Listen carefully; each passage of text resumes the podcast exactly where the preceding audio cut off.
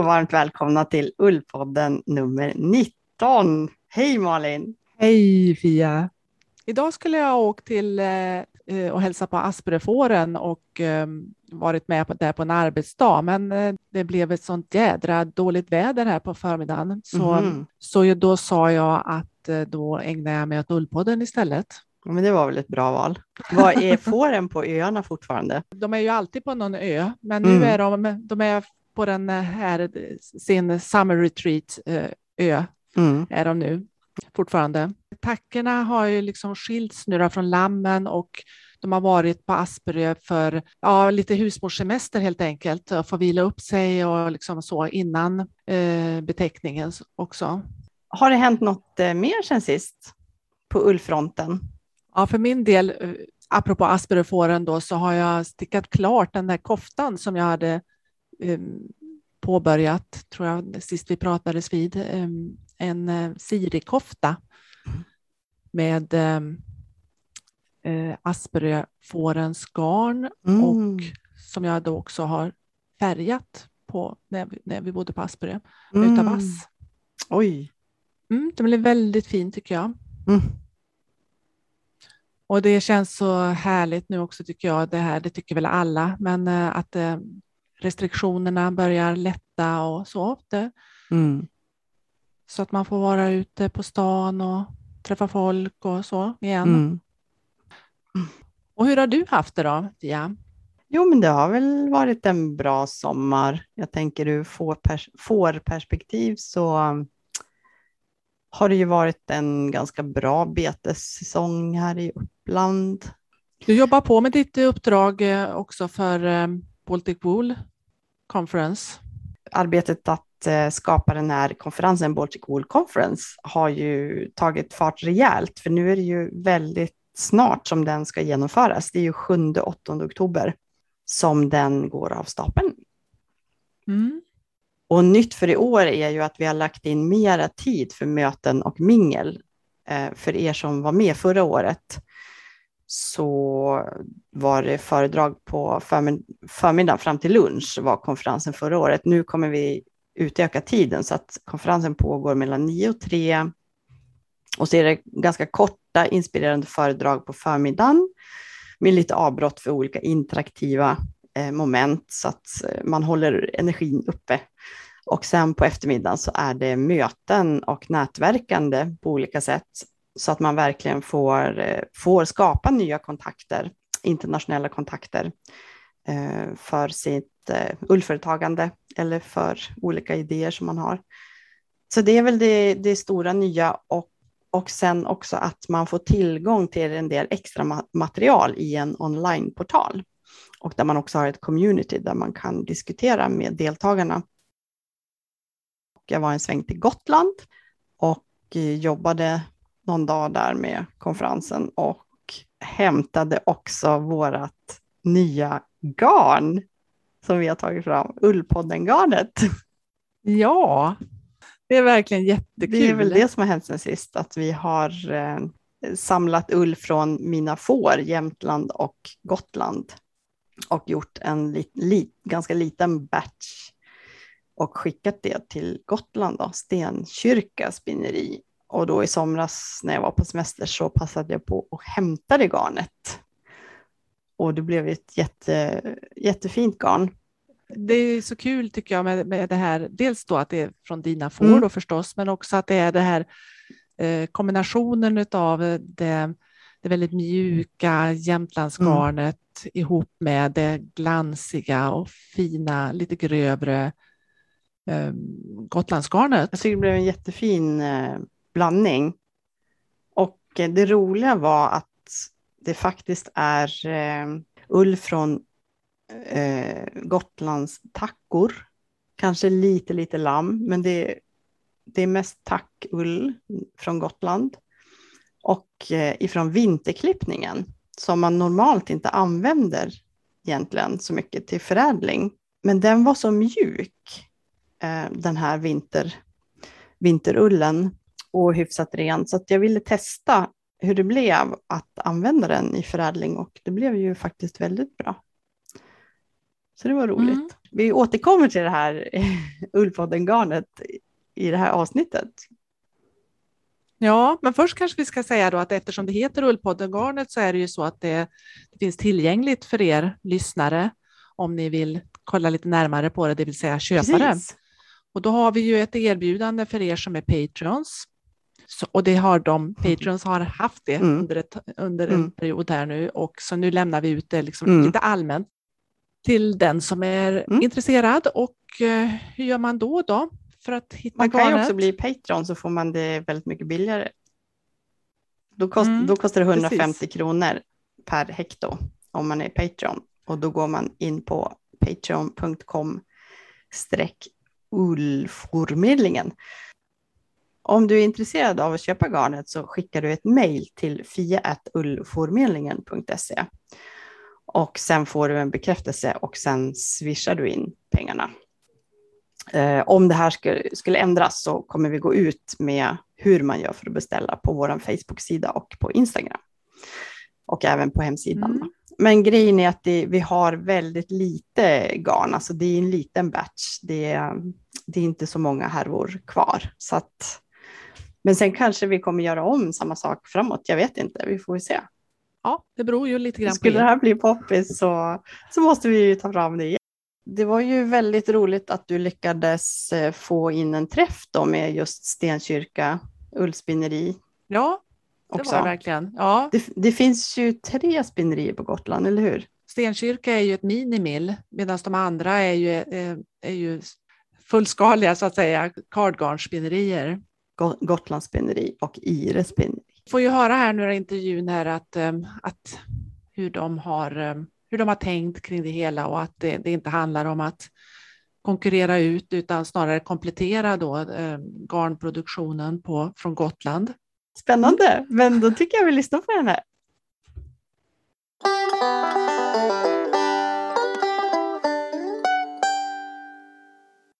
Hej Adele! Hej! Och du är på Stenkyrka ullspinneri. Precis, ja, men det stämmer. Vad roligt att du ville vara med i Ullpodden. Ja, jättekul att få, få vara med. Kan du berätta lite om, om spinneriet, vilka ni är och hur länge ni har hållit på och så där? Det är ju Göran och jag som driver det tillsammans. Eh, men själva liksom grunden till spinneriet är ju vår butik inne i stan som heter Design och hantverk som vi startade för tio år sedan. Där vi säljer liksom väldigt mycket garn. Så det kom liksom lite därifrån att vi startade eh, spinneriet. Eh, för att få den butiken lite mera liksom året runt. Så där. Vi vill ju ha året runt öppet och så, men det är ju svårt på en sån här ö där det är ganska mycket säsong. Så, eh, så då, då hittade vi det här som ett bra komplement tyckte vi. Så köpte vi spinneriet för ja, det är fyra år sedan och det är ett eh, minimillspinneri som har eh, som då hade gått i Sverige redan fem år. Mm. Eh, och det fanns utanför eh, Göteborg. Mm.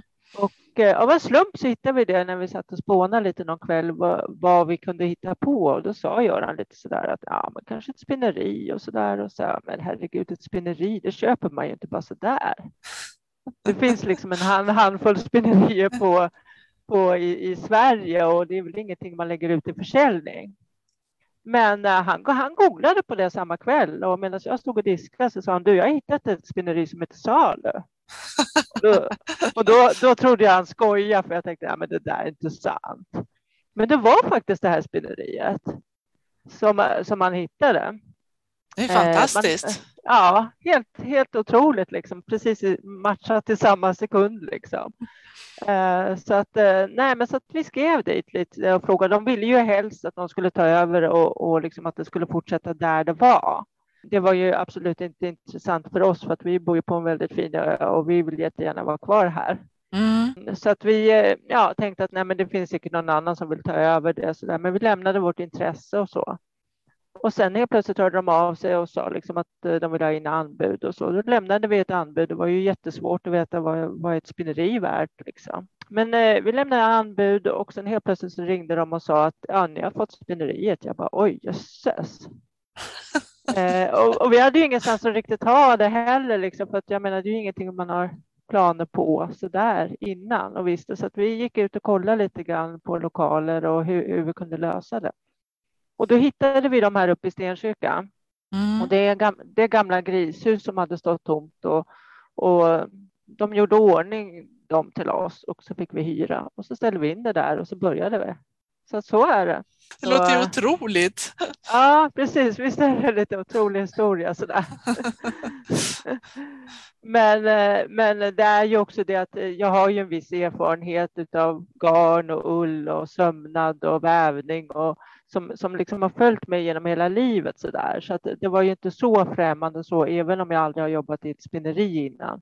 Men så är det ju, det är inte många som har gjort det i Sverige, så att eh, någonstans måste man ju börja. Och hur eh, liksom, lärde du dig då? Nej, men dels så var vi ju där nere en dag, tyvärr bara en dag och gick igenom lite så här grunderna och då var det ju liksom väldigt mycket för allting var ju så väldigt nytt för den på något sätt. Mm. Eh, och eh, de, de, som lämnade över spinneriet, de gick ju i pension allihopa, så de var inte så villiga att komma hit heller och hjälpa oss, för de tyckte att de hade gjort sitt. Men vi fick jättebra uppbackning av andra ullkunniga här i landet och fick mejl direkt. Åh, vad roligt att ni, ni, ni har köpt det där spinneriet. Behöver du hjälp så hör bara av er. Oh. Eh, och det, det är vi liksom jättetacksamma för. Visst har det varit mycket och det har ju tagit sin lilla tid. Det har det ju gjort. Men idag är, rullar det ju på för fullt och eh, vi har ju en anställd där ute i spinneriet.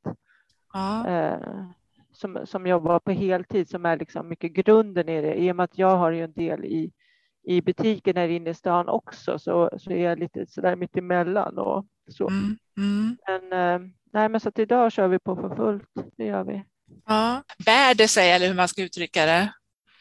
Ja, alltså det, nu är vi ju, hamnade vi ju i en väldigt speciell tid, liksom när, det, den här, när vi väl liksom hade kommit över den här första lärlingsperioden och man börjar få liksom grunder och rutiner i allting och börjar liksom komma in det så kommer ju den här pandemin och det. Mm. Eh, och det, det, har ju ställt till det en del för oss och dels så är det liksom eh, hade vi lite planer på att vi skaffade maskiner till ett väveri precis innan pandemin. Ja. Och då, då visste vi ju inte att det skulle bli så här. Så att vi, vi har ju fått hit ett lass med stora vävmaskiner, men som vi sedan inte har kunnat få igång i och med att det här med pandemin kom och eh, vi har svårt att få fått hit de, de människorna som, som liksom ska hjälpa oss igång med det här i och med resor och, och restriktioner och allt som är. Så det, det, har ju avstannat väldigt mycket av den verksamheten, men det är ju lite grann igång nu. Det börjar ju släppa nu och eh, ja, lönar sig. Det beror på hur man ser på det. Mm det är jättesvårt. Liksom. Det är alla de här branscherna. Man, man måste liksom vara en eld, eldsjäl och verkligen tycka det är kul att det är ens liv lite grann. För annars så går det inte att driva de här, grejerna. Nej. Det finns lite sånt starkt intresse i det att det blir liksom spinneriet blir ens hem nästan. Ja, just det. Du, du sa då att eh, ni startade lite som ett komplement till garnaffären. Var det så också att ni, att ni ville ha ett, eh, ett garnutbud som ni saknade dels det, liksom jag, jag hade ju de här åren innan jag hade spinneriet, då lämnade jag in, in ull till lundspinning på både Fardhem, eh, Gotlands ullspinneri och på Ire mm. spinneri. Eh, så, att, eh, så att jag har ju haft de garnerna, har, har ju funnits i butiken. Och, eh, men det är klart, det har inte varit så brett utbud och så.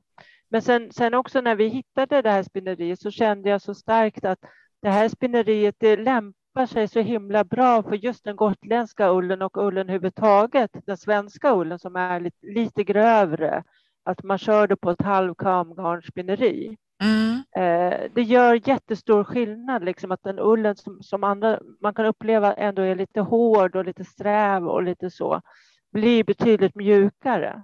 Mm. Och det är jätteroligt att se så att vi, vi känner att vi har ett bra komplement till de här andra två spinnerierna som också finns på ön. Ja. Ehm, så att det, det känns jätteroligt. Vi, vi, vi gör inte samma saker utan vi gör olika saker och vi kompletterar varandra väldigt bra. Mm. Jag tänkte mm. dels så var det ju det här med, eh, alltså när man pratar med eh, många spinnerier så, så säger de ju att det, de får inte tillräckligt med den, den, den ull som de behöver för att producera det garn som de vill producera. Mm. Mm. Är det mm. så för er också?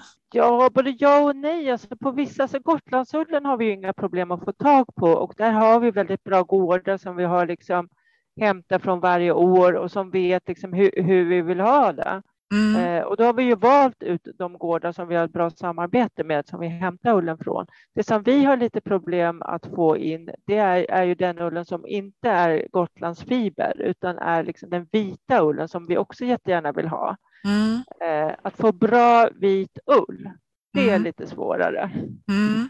Eh, och vi, vi har ju sagt att det vi spinner till oss själva, det kommer ju enbart från Gotland. Det som är vår egen produktion är ju en, endast ull här från ön. Eh, dels för att det inte finns så många som har det och dels för att det saknas ganska mycket kunskap i att, att man har de vita ullen för, för in, inte enbart för köttet men också, också för ullen för att kunna sälja den. Det är få som tänker så tror jag. Mm. Eh, hade man tänkt lite mer så så hade man ju kunnat haft dem på något bete så att inte allting fastnar i, i ullen. Och de behöver inte gå i de här naturbeten där det är fullt med taggbuskar och allting liksom. Mm. Eh, och det, det, blir för svårt att rensa. Att, att, få ullen ren, det är ju väldigt kostsamt. Ja, just det. Eh, och då vill, vill man ju ha liksom att, att fåren har gått på ett sådant bete så att det är så lite som möjligt som fastnar i ullen. Men, eh, så det, det, finns ju både och, men sen finns ju också det, de andra som är helt liksom frågar liksom, hur, hur vill ni ha det liksom? Är, är den bra så här eller, eller vill ni ha, ha den längre eller ska jag klippa senare eller tidigare och, och så som är väldigt tillmötesgående. Så det finns liksom både och. Mm. Men, men sen är det ju också det att det, det, finns inte så mycket vit ull på ön, utan många satsar just på, på skinn och päls pälsskinnen, den, den produktionen liksom just här på ön. Ja, just det. Mm. Mm. Du sa att du hade, ni hade skaffat då ett, eh, ett väveri också. Ja. ja. Och hur kommer det sig? Eh. Nej, men alltså vi har ju tänkt lite så här att det är ju, nu har vi ju producerat garn till stickfolk. men ändå så upplever man att många som kommer in i butikerna Eh, de vill köpa någonting som är liksom färdigt. Man kanske inte är en stickare.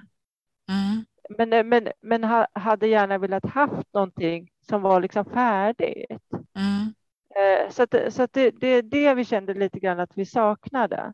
Eh, och då, eh, i och med att jag har hållit på en del med handvävning och vi har vävt en del plädar med vanlig vävstol, alltså för hand och så, så föll det sig så som en slump att vi träffade någon som höll på liksom med, med just maskiner och, och så som vi fick en bra kontakt med. Sen plötsligt ringer han en dag och säger till oss att jo, nu, är det ett väveri som byter ut sina maskiner till större maskiner och nyare maskiner. Och de här maskinerna som finns, de, är, de har ju gått i drift hela tiden och de, de är, är, i väldigt bra form. Vill ni ha dem? Ni får bestämma er på tre dagar. För, för, för, annars kommer de att skickas till Polen, för de har egentligen redan köpt ut det mesta. Men, men, men så fall ska jag snacka med dem och, och kan jag hålla undan några maskiner till er. Och det här var ju precis innan pandemin så där, så att vi bara, jösses, liksom, ja, men klarar vi det? Hur ska vi göra? Sam, samtidigt känns det ju jättekul att kunna göra en produkt som är liksom helt gjort här på ön. Ja. Eh, där vi har liksom samlat in ullen, där vi har spunnit ullen och där vi har sedan har vävt och det blir kanske en färdig pläd. Ja. Eh, så det lockade ju väldigt mycket. Så då sa vi, ja visst, men kör på det. Mm. vi hade ingen plats liksom att ta in dem i de lokalerna vi har, så att vi, vi, vi har ställt in dem liksom på förvaring först och främst. Eh, och en maskin har vi satt upp och den har vi fått igång. Men vi har två vävmaskiner till och sen har vi en stor varpmaskin också. Mm. Och, eh, de har vi inte fått upp riktigt än, utan det, det påbörjas nu i höst. Så att, så att vi har ju kört en del prover då på den maskinen som vi har igång idag, som är eh, den vävmaskinen. Eh, dels för att se liksom hur, hur ska, ska vi ställa in den, hur, vilket, eh, vilket vävsätt ska vi använda oss av, vilket garn ska vi använda oss av och hur blir det i en vidare beredning? Mm. Är det någonting, någonting vi kan göra själva? Är det något, något vi ska skicka iväg och hur, hur blir det liksom? Mm. Så, så, att än så länge är det liksom väldigt mycket provkörning. Mm. Eh, men vi hoppas att vi liksom ska försöka liksom komma fram till det här över vintern så att vi har lite färdig produkter till nästa sommar. Ja, men spännande är det. Ja, verkligen. Vad mm. roligt att det liksom kommer liksom steg för steg liksom i, i den ja. svenska ull, industrin liksom börjar växa Ja. upp igen. Ja, precis. Det här blir ju väldigt småskaligt liksom ändå och vi satsar ju inte på att liksom eh, ha, ha de här vävmaskinerna igång dygn- dygnet runt och så. Jag tror att så kommer vi aldrig att bli liksom. Men, men och det är inte riktigt liksom tanken heller, utan det här är mera tanken att få fram en produkt som är liksom helt gotländsk kanske Mm. och kunna liksom ha det ändå i en, en rimlig liksom nivå och så där på det. Ja. Jag såg på hemsidan att ni också färgar, att ni Ja. hade färgat garn och då undrar jag om ni, om ni färgar också på eh, Mm. hos er?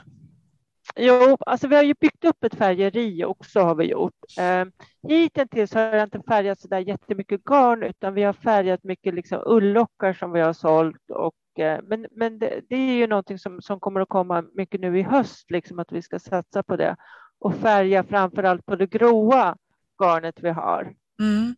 eh, som, som en, en, en fin färgskala. Mm, det är tanken. Ja, en av anledningarna till att eh, eh, vi pratas vid idag är ju att eh, det är Stenkyrka ullspinneri som har tagit fram Ullpodden-garnet också. Ja, det blev ju jättefint eh, och det var ju också roligt för att eh, vi, vi önskar, eller jag önskade ju också en, en, en rätt så tunn kvalitet. Mm. Så det här är ju 300, eller hur, 330 meter per hekto. Mm. Mm. Mm. Är det, är det, är det liksom, har ni prövat hur tunt tvåtrådigt garn ni kan göra? Eh, ja, alltså vi kan ju göra rätt så tunna garner. Eh, vi kan göra betydligt mycket tunnare garner än, än det vi gör. Mm. Men saken hör ju också lite grann, grann till att det är ju svårt liksom och om, om man gör för tunna garner så blir det så sårbart. Då är marginalen till att det brister och inte riktigt håller i maskinen Mm. eh, så väldigt nära. Mm. Plus att, att det är ju också så att det blir så mycket dyrare för att maskinen måste gå långsammare och, och, och du får så många mer meter som måste igenom maskinen så att det tar så mycket längre tid. Mhm. Och där, därutav av så blir ju de garnerna för oss att göra eh, vä- väldigt kostsamt. Ja, just det. Mm. Och därför gör inte vi några super, super tunna garner. Nej, nej. Eh, Men, men, men sen är det också så där, alltså det går ju inte att göra, man, många tänker liksom på eh, som har en, har en stickmaskin för supertunna garner och man, man köper garnerna från Italien eller Portugal eller vad man gör. Mm. Eh, de, de har, det är en sån annan kvalitet på den ullen så, så att jag menar det, fibrerna i sig är ju redan så mycket tunnare. Ja, precis.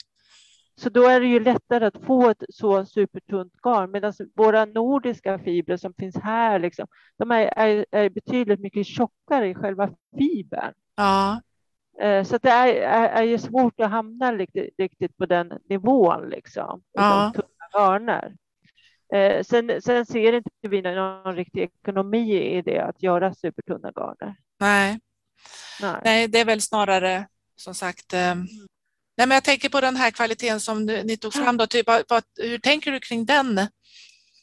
Den blev superfin. Vi, Visst Mm. hade du sån här eh, Jämtland och Gotland hade vi. Jämtland och Gotland var det ja. Mm. Själva så, så stod vi förundrade över det. Eh, Mm. För att den blandningen har, har vi inte kört förut. Vi har kört någon Jämtland har vi gjort, men inte, inte någon större mängd av det. Men just den blandningen, att du blandade med lite Gotland i den, blev Mm. superfint. Ja, Och vi när vi, tyckte, när vi gjorde det garnet så sa både, både Ank, det är Anki som jobbar i spinneriet och jag sa, sa Nej, men sånt här ska vi satsa på. Blanda lite sådana här olika fibrer för det blir så himla fint tillsammans. mm, De kompletterar varandra så otroligt fint. mm. Eh, Så det sa vi också. Nej, men sånt här ska vi satsa på. Gud vad fint det blev. ja, vad roligt, för det var precis vår tanke också. Att, eh, dels är det ju så att det är, det är Fias egen, egen besättning, alltså hennes får. Eh, Hon Mm. har då Gotland och Jämtland, men också Mm. att det liksom är två så fina speciella garn, ullkvaliteter som vi tänkte liksom skulle Mm. komplettera varandra så, så väl. Mm. Mm. Ja, det är roligt att höra att ni också tyckte det. Ja.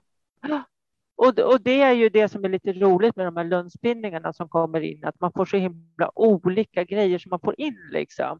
Olika ullsorter sorter och olika sorters fibrer liksom och, och, och lite grann hur de har tänkt som, som har skickat in det, vad mm. de vill ha. Mm. Så det är ju jättespännande. När man jobbar med sånt så får man ju se så mycket olikheter. Det skulle det. vi annars aldrig få när, när, vi bara spinner vårt eget här från ön. Just det. Så det är jättekul. Mm. Ullpodden, vi, vi jobbar ju för att öka kunskapen om svensk ull, kan man säga då. Mm. Och um, det är ju mycket, en stor diskussion, eller det, det händer ju jättemycket på, mm. kring ull nu de senaste åren. Uh, och mm. om du själv skulle få önska någonting, vad är det som du tycker liksom som, som behöver hända i, i ull-Sverige framöver? Dels så tycker jag att det behövs jobbas mycket mer kring det här med liksom att, att ta vara ullen från början, från bonden, liksom, när, när, när den klipps och hur, hur pass rent kan vi få? Där, där saknas det väldigt mycket kunskap om ännu. Ah. Det finns, finns ju de som har jättefina får och jättefin ull på, men saknar den här kunskapen och, och med kanske ganska enkla medel så skulle de kunna få ullen så pass fin så att de verkligen kunde få betalt för den. Men eh, då vill jag tacka så mycket Adele ja. för det här. Eh, ja. Tusen tack och lycka till med eh, alla era utvecklingsidéer som ni har ja. framöver. Det ska bli roligt att få oss att följa er framöver. Ja, absolut. Och tack så mycket att jag fick vara med. Det var jättekul. Ja. Tack ska tack. du ha. Hej då. Hej. Hej.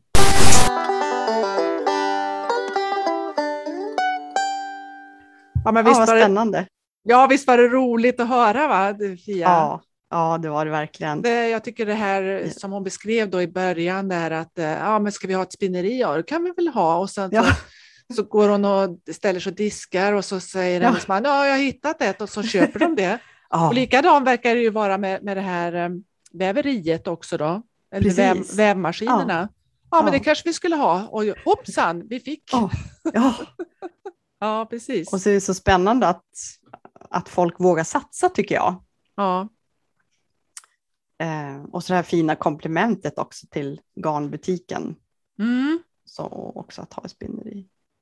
Det har vi ju pratat om en hel del att, att de här minimillen då är kanske den, den småskaliga hantverkaren som, mm. som de möter. Men att mm. de nu genom att komplettera det här då, vill också ta fram produkter för de som, ja, som är intresserade men som kanske inte är hantverkare själv eller stickare eller, eller sånt men ändå vill, vill liksom på något sätt ha då en lokalproducerad produkt. Säger man mm. så?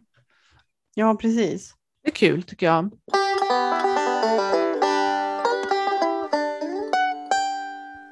Då har vi kommit fram till månadens fåras.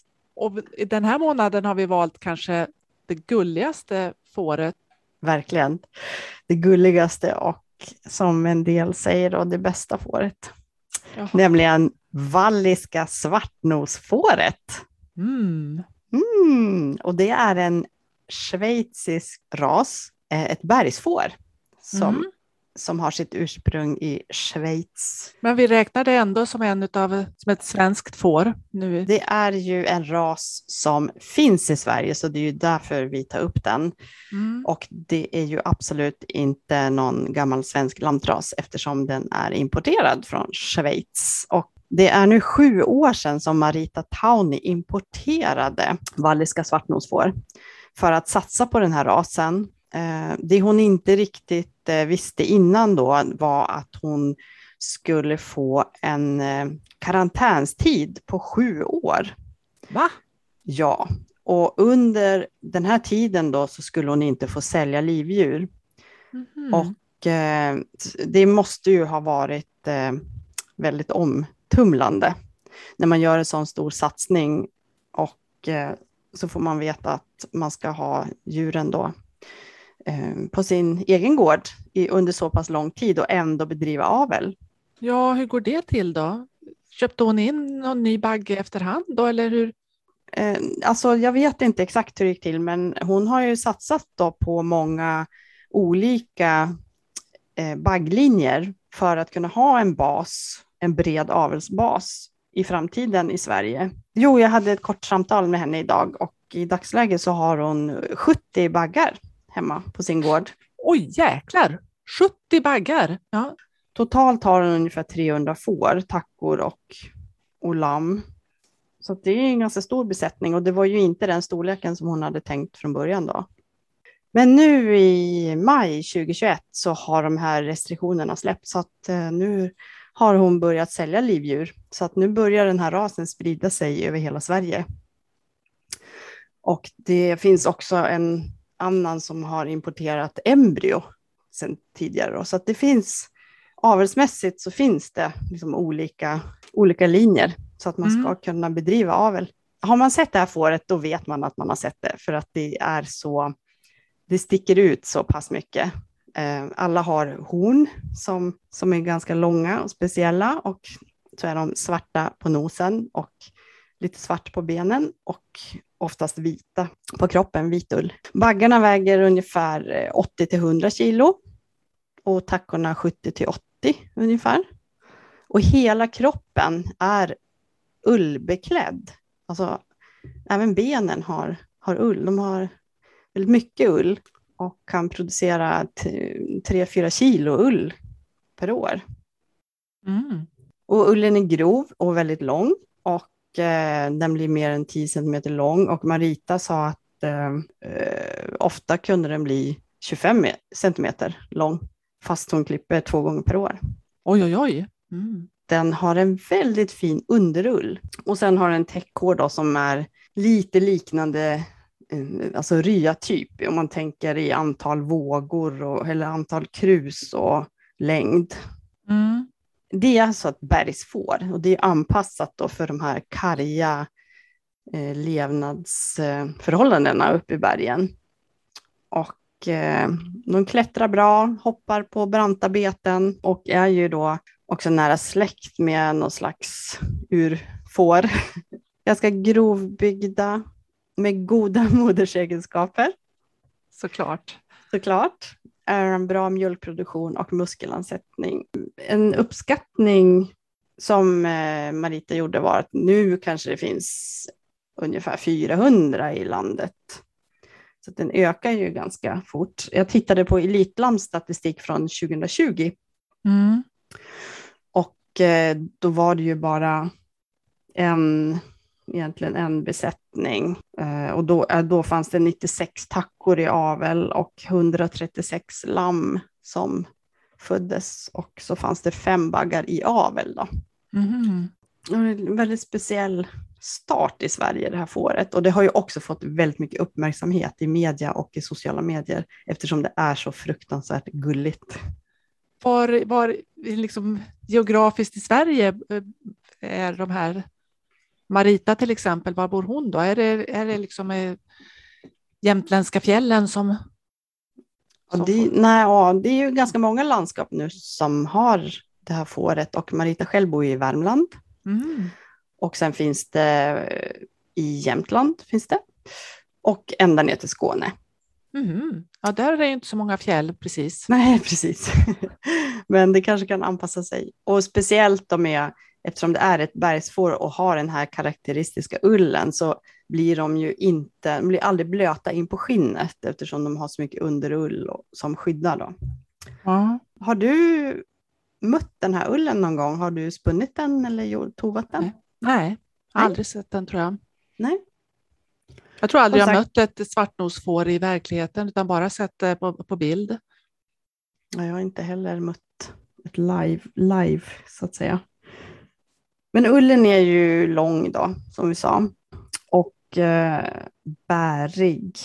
Inte, inte lika silkig kanske som ryafåret och inte så glansig, kan vara lite matt så, men där jobbar man också med att få, man vill ha lite bättre glans liksom i fibrerna i avelsarbetet. När jag frågade vad var det bästa med ullen, när jag pratade med Marita, då, då sa hon att, eller hur är ullen frågade jag, och då sa hon, den är fantastisk, sa hon. Hon var superentusiastisk för ullen och det hon har gjort mycket med sin ull, det är ju att eh, tova sådana här helfällar sådana här, mm. nej, så här låtsasfällar istället för skinn. Då, att man tovar mm. ihop, man tar en hel fäll, en hel ullfäll ifrån ett får och sen tovar man på undersidan så att det blir en yta där så det håller ihop.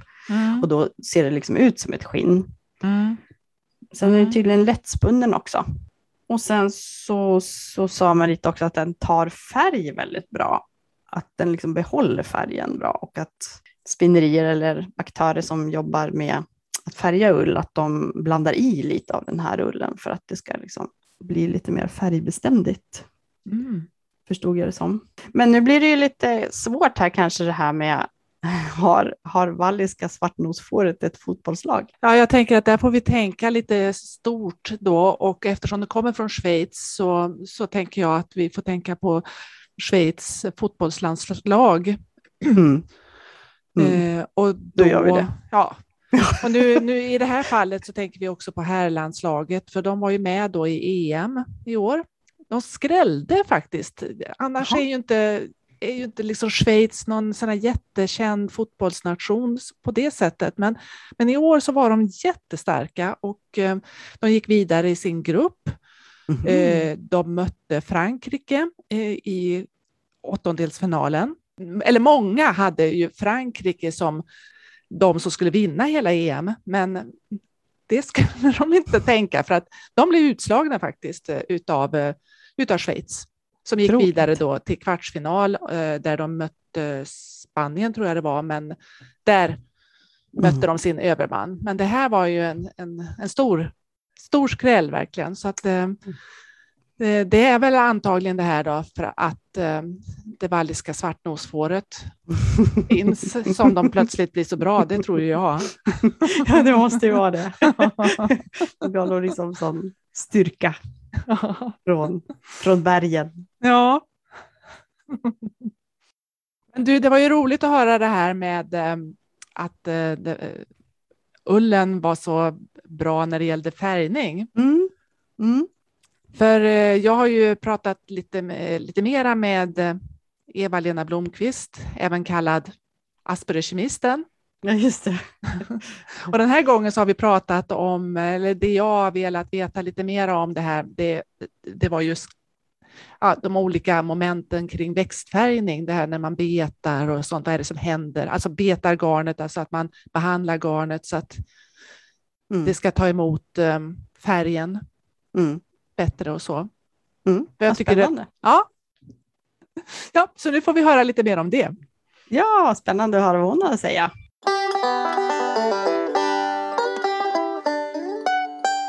Hej Eva-Lena! Hej Malin! Var det dags för Ullpodden igen? Jajamän! Mm. Ständigt dessa frågor till um, Aspergerkemisten. Aspergerkemisten ja. ja. ja men det är, det är inte fy skam.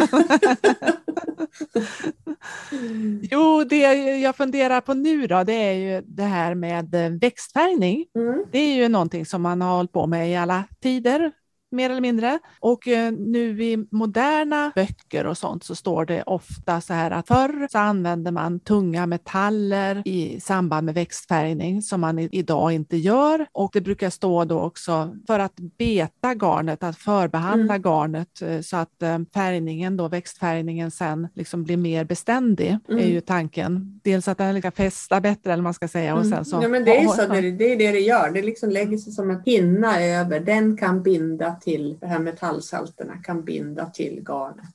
Och ja. då, får, då, får färgen många punkter att binda på i det här metallsaltet. Det är liksom som ett, som ett kardborre kan man ah. då säga. Det sitter massa i och därför blir det beständigt. Som jag förstår det då, till exempel tennsalt, kaliumsulfat och allt möjligt hade man förr som man inte mm. använder. Men det som jag förstår det som nu så är det de flesta använder alun och en mm. del också kanske vinsten. Jag vet inte hur man mm. uttalar mm. det riktigt. Vinsten brukar jag säga, men det kanske ja. Jag har hört olika faktiskt. Och sen så har jag läst också att förr så hade man liksom en mycket större procentandel alun då i förhållande mm. till mm. garnvikten, mm. eh, medan man idag då menar att det kan man ha mycket, mycket lägre procentandel. Mm. Mm. Ja, men sen så brukar det ändå stå då, men du ska vara försiktig med det här med alun och du ska, du ska inte liksom hälla ut det här eh, vattnet som du har, betningsvattnet mm. som du har använt som hur som helst. Och sen så säger den också, vilket jag också eh, säger flera då, vilket jag tycker är liksom lite förvånande, det är att man kan använda liksom samma betningsvatten vatten flera Mm. gånger utan att Mm. sätta till något extra. Det är liksom som att ja, det är kvar där då, Mm. den här Mm. lösningen Mm. då. Mm. Ja, vad gör det då för nytta liksom, på garnet när man gör det tionde gången? Och så vet jag ju då att ja, men alun kan ju vem som helst köpa på apoteket och många använder det i matlagning. Oklart till vad för mig, men i alla fall, hur farligt är det då? Nej, vad jag vet så vet inte jag om att det här är ju metallsalter och som du sa förut så använder de tuffare metallsalter förr i världen. Mm. Men alun är en metallsalt av, av kalium, aluminium och sulfat och så är det massa vatten inkristalliserat där. Det är därför den får så många ytor så här liksom som färgen kan gilla att fastna på. Liksom. Mm. Och den är inte giftig vad jag vet. Vad jag kan tänka mig när man säger tänk på hur det häller ut det eller hur du använder det. Det, det är liksom som vi ibland sa på, på universitetet, the solution of pollution is delusion. Det finns alltid en koncentration och dos hänger alltid ihop lite grann. Liksom. Så att det kan ju vara att man ändrar andra miljöer runt i en, om man häller ut det till exempel i en, om du står i naturen och växtfärgar, häller det direkt på backen så kanske inte så trevligt för mikroorganismerna direkt där och så. Eh, men det är ingen gift som består. Så det är inte som när vi tidigare pratade om, om DDT och de, de sa att de består, de finns kvar i naturen. Det här finns inte kvar, det löser upp sig. Och så. Ja, ja. Så att jag, jag tror nog, om jag, men det här är liksom på, på att man kanske har blandat ihop det med förr i världen man hade väldigt lite zink och andra farligare metallsalter och att det sitter kvar. Eh, men sen ska man alltid hantera allt med respekt. Just det här som jag sa, the solution of pollution is delusion. Alltså var vän allt som är i en svagare koncentration kan också den miljön som får det kunna ta hand om på ett lättare sätt. Det är samma sak om man gör något surt eller basiskt. Liksom. Om det är jättesurt så är det ju, då fräter det ju på saker, men om du späder ut det, ja då gör det inte det. Därför att det är mer liksom eh, utspätt. Och det är lite grann så man kan tänka i det där andra också, i hur man, när man tömmer det, när man häller ut det, liksom att, att vara lite, blanda ut det. Men det är inte toxiskt så, utan det kanske kan förändra en livsmiljö på ett sådant sätt så att det blir rätt tufft för mikroorganismer. Och det är lite grann samma sak, det här ordet koncentration kommer till det här också när du sa, men vadå, hur, är det inte slut på alla alumvinstenmolekyler i den där burken om jag har liksom, eller hinken jag har doppat i? Bara, Nej, det är det inte. Men du måste ha en viss koncentration i den här lösningen Mm. för att det ska liksom vara tillräckligt aktivt och så för att kunna komma på garnet. Så det är klart, skulle du doppa det där hundra gånger så är det klart, till slut är koncentrationen för låg. Mm. Men det är ändå större delen av alunet som du blandar i den här lösningen. Det fastnar inte på garnet utan det finns i lösningen för att du ska hitta en jämvikt mellan garnet och lösningen när du lägger i det där. Då hamnar en del alun på garnet och en del ligger kvar i lösningen. Det är liksom så naturen jobbar med jämvikt eller kemin med jämvikt. Mm. Men mycket finns kvar så därför kan du doppa flera gånger. Ja, ja. Det räcker. Mm. Liksom Ja, ja. till, det, lösningen, koncentrationen är fortfarande tillräcklig. Eh, exakt hur många gånger, det tror jag inte. Men nog, nog kan man, det får man i så fall mäta och se, men det är många gånger tror jag. Just Mm. för att det måste vara en, någon koncentration i lösningen för att det ska funka. Och det var väl det man gjorde fel med för, förr i tiden då man använde lite högre koncentrationer. Det var onödigt mycket, man behövde inte ha så högt för att det, det som kommer på garnet, det kommer ändå. Liksom. Ja, just det. Mm. Ja, men utmärkt. Och, och det här då som du sa då att det, det kanske inte är så bra just för mikroorganismerna precis lokalt där man, om man häller ut det på backen. Ja. Då är det alltså föredra att hälla ut det i, i det kommunala avloppet så att säga. Ja, det tycker ju jag. Men jag har, in, jag har liksom inte sett, jag kan inte förstå hur, hur, hur det skulle kunna skada faktiskt. För det är ju mikroorganismer som jobbar i avloppsreningsverket också. Hur det skulle kunna ha sån negativ påverkan. Och ytterligare en sak då, man, man kanske har eh, gummihandskar på sig för att det är för varmt och, och sånt Mm. av olika skäl. Liksom, eller Mm. så. Men, men eh, om man inte har det, eh, skulle, skulle det ha någon betydelse för min hud så att säga? Liksom om, jag, om jag tog Det garnet? var så länge sedan jag växtfärgade, men, men jag tror inte att eh, det är liksom inte så här att det fräter på dig, det är det Mm. inte. Men, men man kan ju känna liksom ett obehag ändå. Det är också så här, vi, vi järnvitriolade vårt hus till exempel Mm. och eh, det vill man ju ha på sig handskar och annat sånt också för att det, det är liksom svavelföreningar, det är, alltså det är inte trevligt heller. Mm. Så. Mm. Det, det är inte toxiskt, men, men jag kommer ihåg att man blev liksom lite så här konstig på händerna, liksom, för det rann ju in i de där handskarna ändå. Liksom. Det gick ju inte att vara helt tätt. Så att jag tror inte du skulle få något bestående liksom, men så, mer än att det är, liksom, det är inte skönt. Det är inte gjort för att ha händerna i metallsalterna. Så liksom, det är inte där vi... Så varf, varför stoppa ner det? Men måste du Mm. plocka upp något för fara, liksom, herregud, Mm. plocka upp det. Mm. Det är inte så, men jag skulle gå och tvätta av mig. Mm. Och sen så också, vi har en förmåga att peta i ögon och peta i, liksom, vi rör i våra händer överallt. Det har man märkt under covid här hur mycket man petar i ansiktet utan att man tänker Mm. på. Och det är absolut inte trevligt. Så liksom. Det kan rent göra ont tror jag. På det, liksom. Mm. Ja, tack.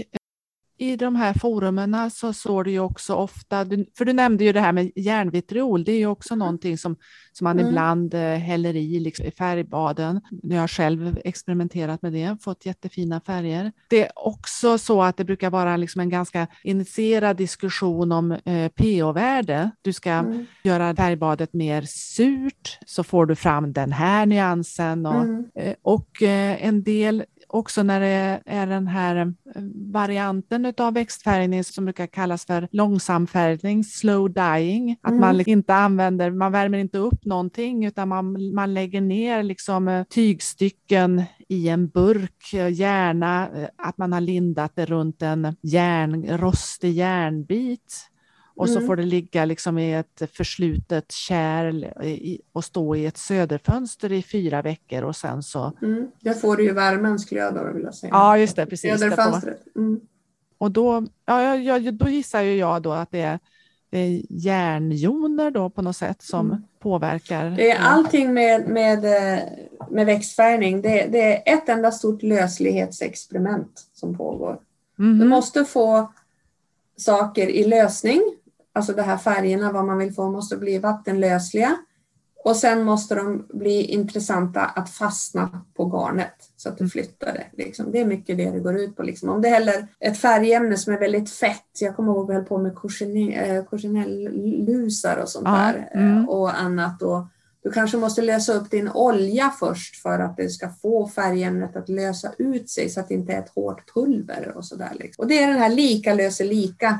Man måste lösa in det i olja så, så att man får över färgämnena i den fasen. Och antingen då får du lägga garnet eller tyget i det också eller så får du ta någonting mellan där så du kan få lösning in från den eh, lösningen som är oljebaserad in till vätska för att få det till. Så att allt handlar om löslighet och det är precis det som händer med olika pH också. För det här är ju kemi, det är bara det ni håller på med. Det är Mm. kemi på olika Mm. sätt.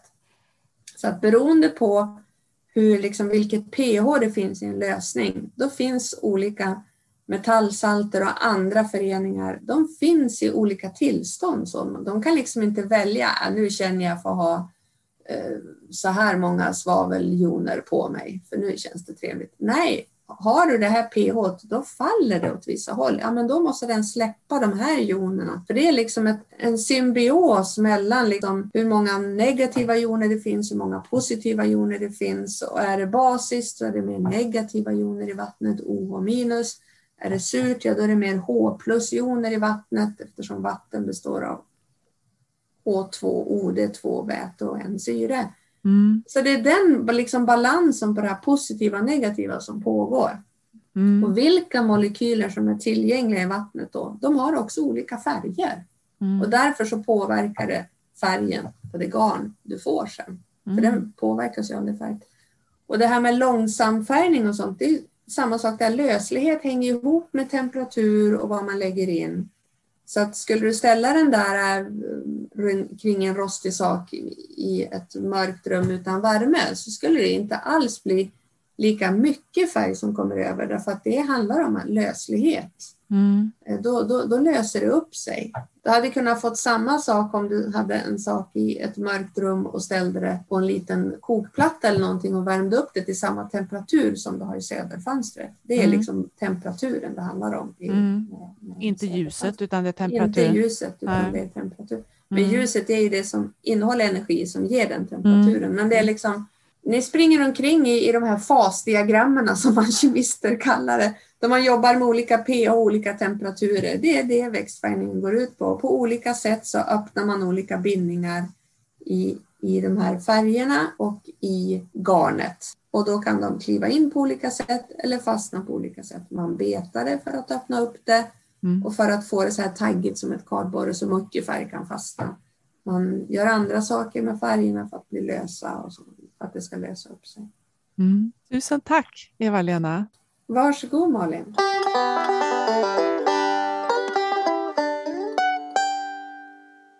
Vad tänker du när du har hört henne här nu då? Vad får du för tankar? Eller vad tyckte du var mest intressant? Jag blir glad över att få det här utrett med, som jag tyckte var så konstigt, det här med att, eh, att man kan använda samma betvatten liksom så, så många gånger. Att, mm. att jag, jag, jag, kunde inte liksom förstå att, eh, att det här med att koncentrationen liksom skulle vara kvar, hur det där funkade. Men mm. det tyckte jag hon förklarade bra. Sen ja, tycker jag det, det, är ju knepigt det här med pH-värden upp och ner och sånt och vad som, mm. hur man gör och, för att bedöma det. Alltså mm. mixtra med mm. det, men, eh, men eh, ja, det, det är ju verkligen, det är roligt det här de säger att, eh, att det växtfärgare gör, det är liksom att hålla på med kemi helt enkelt. Mm. Mm. Ja, det är ju fantastiskt. Jag tycker att det är väldigt svårt med kemi. Alltså det är kanske är därför jag inte har gått in i det där. Men känner du att du, tänker du så när du håller på? Att du håller på med kemi? Att du håller på med kemi. Eller tänker du mer och mer så? Nu när du har hört våran Asperger-kemist några gånger. Eller påverkar det liksom ditt färgande? Ja, eh, alltså det som som jag tycker liksom är intressant, det är ju liksom hela hur, hur textilindustrin då, hur, hur, problematiskt det är med färgningen. Mm. Och um, alltså den industriella färgningen och och sen så har jag liksom hört då där, har man tänkt att ja, ja, men växtfärgning är bra och sen så hör man då att ja, men det är så mycket farliga kemikalier med det och så har jag liksom, men vad är det det verkligen? Och um, jag tyckte det var Ja, men hon förklarar bra tycker jag, Eva-Lena, det här med att um, vad är det som händer och att, att allting är kemi, men bara för att det är kemi så är det ju inte giftigt. Det är ju det mm. som man måste liksom skilja på, tänker jag, liksom att, att, att vi har någon sorts respekt för det här ordet kemi och kemikalier och sånt, att, att, ja, att det per definition, bara för att vi säger kemikalier så är det giftigt och skadligt. Mm. Men mm. allting är ju som sagt egentligen då kemi och mm. allting mm. är inte giftigt. Men som hon också sa då i, i det inslaget då, när jag frågade om det här med att ja, ska man hälla ut det här betvattnet så överallt och så att ja, det kan man ju göra, men det kan ju också vara så att det påverkar mikro, mikroorganismerna i precis där man häller ut det och då, då ska man kanske tänka sig för då. Mm. Eh, och hellre hälla ut det i toaletten helt enkelt då. Mm. Ja, intressant. Mm. Ja, det är lite nya perspektiv på ja. saker och ting. Det... Ja. Och, det, ja, och jag tycker liksom det här ju mer man eh, pratar, alltså det är ju stor, det är ju mycket fokus på det här med eh, textilindustrin och mm. modeindustrin och så. Eh, mm. Och ehm, då är det ju intressant. Alltså det jag funderar på liksom är, är det möjligt att göra det här, göra växtfärgning i industriell skala? Mm. Eller kanske inte industriell, men i lite större mm. skala då, än, mm. än, att jag står hemma mm. och, och färgar några härvor. Ja, precis. Ja, det är ju intressant. Mm. Och är det möjligt att göra det på ett hållbart sätt? Som ett alternativ till annan typ av färgning. Eftersom det är en sån stor miljöbov och arbetsmiljöbov också i många länder. Ja. Just färgningen. Det är mycket med det jordiska, det är mycket med det ulliska. ja. ja, det var väl det vi hade idag. Precis. Mm. Nej, och det är ju roligt med Ullpodden tycker jag att vi följer eh, utvecklingen, vi spanar, vi pratar med spännande människor och fångar upp också lite vad som händer på vägen. Eh, det, det, tycker jag känns spännande.